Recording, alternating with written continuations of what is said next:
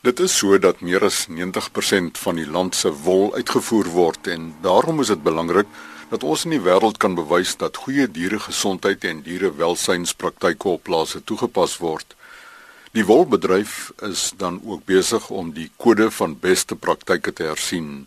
Leon de Beer is hoofbestuurder van die Nasionale Wolkwekersvereniging of die NWKV met sy hoofkantoor in Port Elizabeth. Kyk veral na die skeer uh, deel van die kode uh as ook na die predasiebestuurs uh, hoofstuk in die kode om dit bietjie op te dateer en ook met internasionale standaarde in lyn te bring.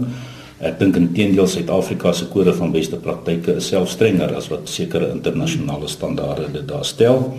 En ek dink dit is vir ons belangrik dat produsente bewus daarvan is dat hierdie kode van beste praktyke die basis vorm van ons uitvoer en van ons bemarking van ons wol in die buiteland. Dan woldiefstal is iets wat um, vir ons 'n groot uitdaging is. Ek dink die groot waarde wat wol op die oomblik het, uh, is die rede wat daartoe aanleiding gaan gee in die oomblik as wol herverpak word, dan het hy dadelik sy identiteit verloor. En ek dink dit is een van die uitdagings om veediefstal en woldiefstal te beperk om haar identiteit te probeer behou.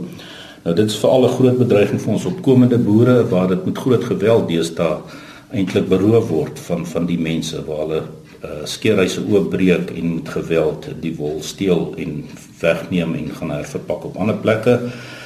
Einde verlede jaar is 'n groot vragmotor met 91 bale wol gekaap na by Queenstown en die waarde van daai wol was 1.6 miljoen rand. Gelukkig het die veediefstal eenheid vinnig gereageer en uiteindelik kon hulle daai wol opspoor. In 2015 is 44 skeerhuise se wol uh gesteel uh, in die kommunale gebiede. So dit is 'n geweldige probleem en uitdaging en ons werk baie nou saam met die veediefstal eenheid om hierdie probleem aan te spreek. Ons kommunale ontwikkelingsprogram is soos altyd nog een van ons vlaggeskepe en iets waarop ons trots is en uh die genetiese verbeteringsprogram waar ons nuwe ramme en kwaliteitsramme in kommunale gebiede insit uh, het reeds amper die 40000 uh vlak bereik. So ons het al reeds 40000 ramme met die ondersteuning van die regering op die oomblik die departement van landelike ontwikkeling en grondhervorming wat wat die program uh, borg en en befonds en ons oorweeg dit ook nou om dit binnekort uit te brei na KwaZulu-Natal waar daar twee gebiede is waar ons die diere uh, in die kommunale kuddes wil plaas sodat ons die kwaliteit en kwantiteit van die wol in daai gebiede kan verbeter. Ons is ook besig met skeeropleiding in die kommunale gebiede om 'n groter hoeveelheid skeerders in daai gebied beskikbaar te stel en hopelik ook skeerders te kan oplei uit om uiteindelik in kommersiële skeerspanne te skeer. Ons het tot op hede hierdie jaar 249 nuwe toetreders opgelei in die kommunale gebiede en 26 gevorderde kursusse aangebied. So ons is besig om om stadig maar seker vooruitgang te maak op op hierdie vlak en uh die skeer uh kwaliteite van die mense is reeds op die vlak dat ons uh, reeds 3 kommunale skeerders gehad het wat gekwalifiseer het vir die nasionale skeerkampioenskappe en een het selfs tot die semifinale gevorder. Nou die gedagte daarvan is om ook ons diensverskaffers vir skeer, dis nou die makelaars en privaat skeerkontrakteurs na hierdie geleenthede toe uit te nooi sodat hulle die kwaliteit van die skeerders kan sien en ook potensiële skeerders kan identifiseer om in hulle skeerspanne op te neem. In terme van infrastruktuur het ons ook met grondsake se befondsing 18 skeerhuise gebou in die kommunale gebiede en meer as 100 km draad gespan. Draad wat hoofsaaklik rondom veidings en en graangewasse gespan is om so 'n bietjie beter bestuur te kan toepas in daardie gebiede. En uh, ek glo dat die span van draad 'n belangrike toekoms infrastruktuurontwikkelingsinisiatief is wat wat hierdie mense baie sterk kan ondersteun. Dan die positiewe nuus verder is dat ons minstens 150 nuwe gemeenskappe gekry het wat amptelik geregistreer is om aan die formele wolmark deel te neem. Uh nou so gemeenskap het gemiddeld 20 lede.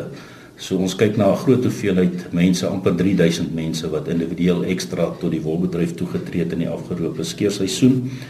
En as ons sien dat daar reeds 1224 sulke gemeenskappe betrokke was by by die formele mark, dan praat ons van amper 30000 individue wat in die kommunale gebiede van van die wolbedryf uh, betrokke is in wolskaapboerdery en ek dink dit is 'n pragtige mylpaal wat ons bereik het die afgelope tyd. Die toekoms van ons opleidingsprogram gaan wees opleiding en mentorskap. Ons gaan steeds voortgaan om infrastruktuur met die ondersteuning van die staat wil installeer Genetiese verbetering bly 'n program wat oor die langtermyn net voordele vir almal gaan inhou in die in die produksiegebiede van die kommunale gebiede. So ons glo dat die regering sal volhou en volhard om ons daarin in terme daarvan te te ondersteun finansiëel te ondersteun. Dan natuurlik institusionele ondersteuning om kommunale produsente en opkomende boere te help in te lei in terme van hulle eie strukture, hulle eie kongresse en hulle betrokkeheid by die strukture van besluitneming in die wolbedryf en landbou in die algemeen dink ek dien meer aandag te geniet veral dat die mense nou meer betrokke is by wolproduksie en meer betrokke moet wees by by besluitneming.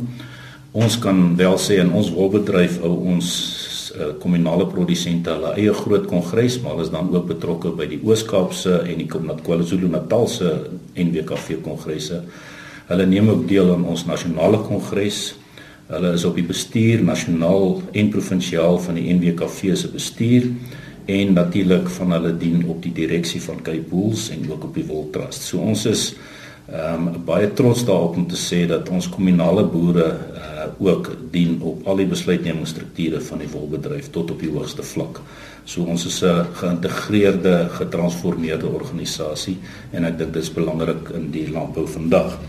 Dan uh, het die departement van landbou in KwaZulu-Natal vir ons twee landbouvoorligters toegedeel wat fokus op wol en die rol van die NWKV is om hierdie voorligters te lei in terme van hulle tegniese ondersteuning en die opleiding, vir hulle opleiding te gee sodat hulle die produsente daar kan ondersteun en ons help hulle ook met 'n ontwikkelingsprogram sodat hulle gefokus is op 'n program wat deur die jaar tydig die regte inligting aan hierdie produsente oordra.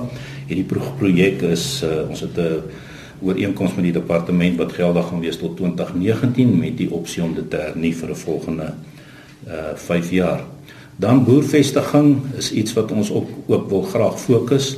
Produsente in die kommunale gebiede wat reeds baie suksesvol produseer, is die mense wat ons graag wil identifiseer om aan die grondhervormingsprogram deel te neem en uh, ons is in onderhandeling met die departement van grondsake want die boere wat suksesvol in die kommunale gebiede boer boer al reeds suksesvol in 'n omgewing wat nie ideaal is vir vir wolskaapboerdery nie en daai boere dink ek het 'n uitstekende kans om suksesvol te wees indien die grond waarop hy gevestig word uh die korrekte draagkrag het en infrastruktuur om sy boerdery te ondersteun met die nodige opleiding en mentorskap van die NWKV is ek oortuig dat ons 'n hoë sukses uh, tempo gaan gaan handhaaf. Dan natuurlik, ehm um, wat was die impak van van ons program oor die afgelope tyd? Elke jaar sien ons 'n pragtige verbetering.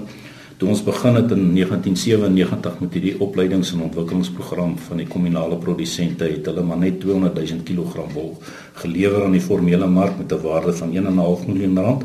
2015 het daai 200 000 kg tot 'n almintige 3.5 miljoen kilogram gestyg en die 1.5 miljoen rand na 31 miljoen rand. So dit is 'n geweldige uh vermeerdering in inkomste en volumes wat hierdie mense produseer natuurlik die resultaat van al hierdie insette wat ons gemaak het.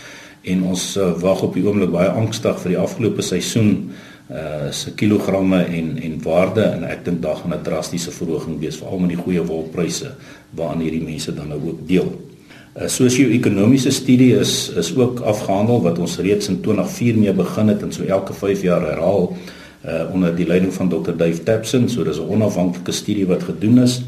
En die studie uh het vir ons die volgende syfers gegee wat 2004 as die basisjaar vergelyk met 2015 en uh, daar is 'n aansienlike hoeveelheid minder kinders wat honger gaan slaap in die aande. Dit het verminder van 41% na 24% dan uh, huishoudings wat wat spaarrekeninge geopen het het van 49% tot 84% verhoog. So dit is 'n drastiese verhoging oor die afgelope tyd.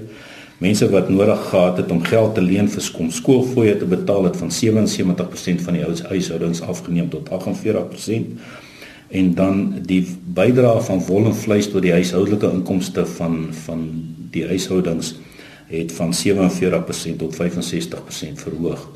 So boonbehalwe die die toelaas wat die staat in terme van pensioen en kinders ensovoorts bydra, uh het die waarde van wol en landbou drasties verhoog. Dieselfde studie is ook in KwaZulu-Natal herhaal waar ons nie so groot voetspore en impak gehad het oor die afgelope tyd nie en daar was eintlik geen impak van van landbou op die inkomste van die huishoudings nie. So dit is vir ons 'n bewys dat daar waar die NWKV 'n sterk voetspoor het, uh is daar wel 'n baie positiewe impak in terme van die bydrae van landbou tot die huishoudelike inkomste. So soos ek gesê die NWKV het 'n baie besige program. En so gesels Leon de Beer, hoofbestuurder van die NWKV, die Nasionale Wolkwekersvereniging. Die webadres is www.nwga.co.za www.nwga.co.za die telefoonnommer 041 365 5030 dis 041 365 5030 vanaf die baie groete en geniet die naweek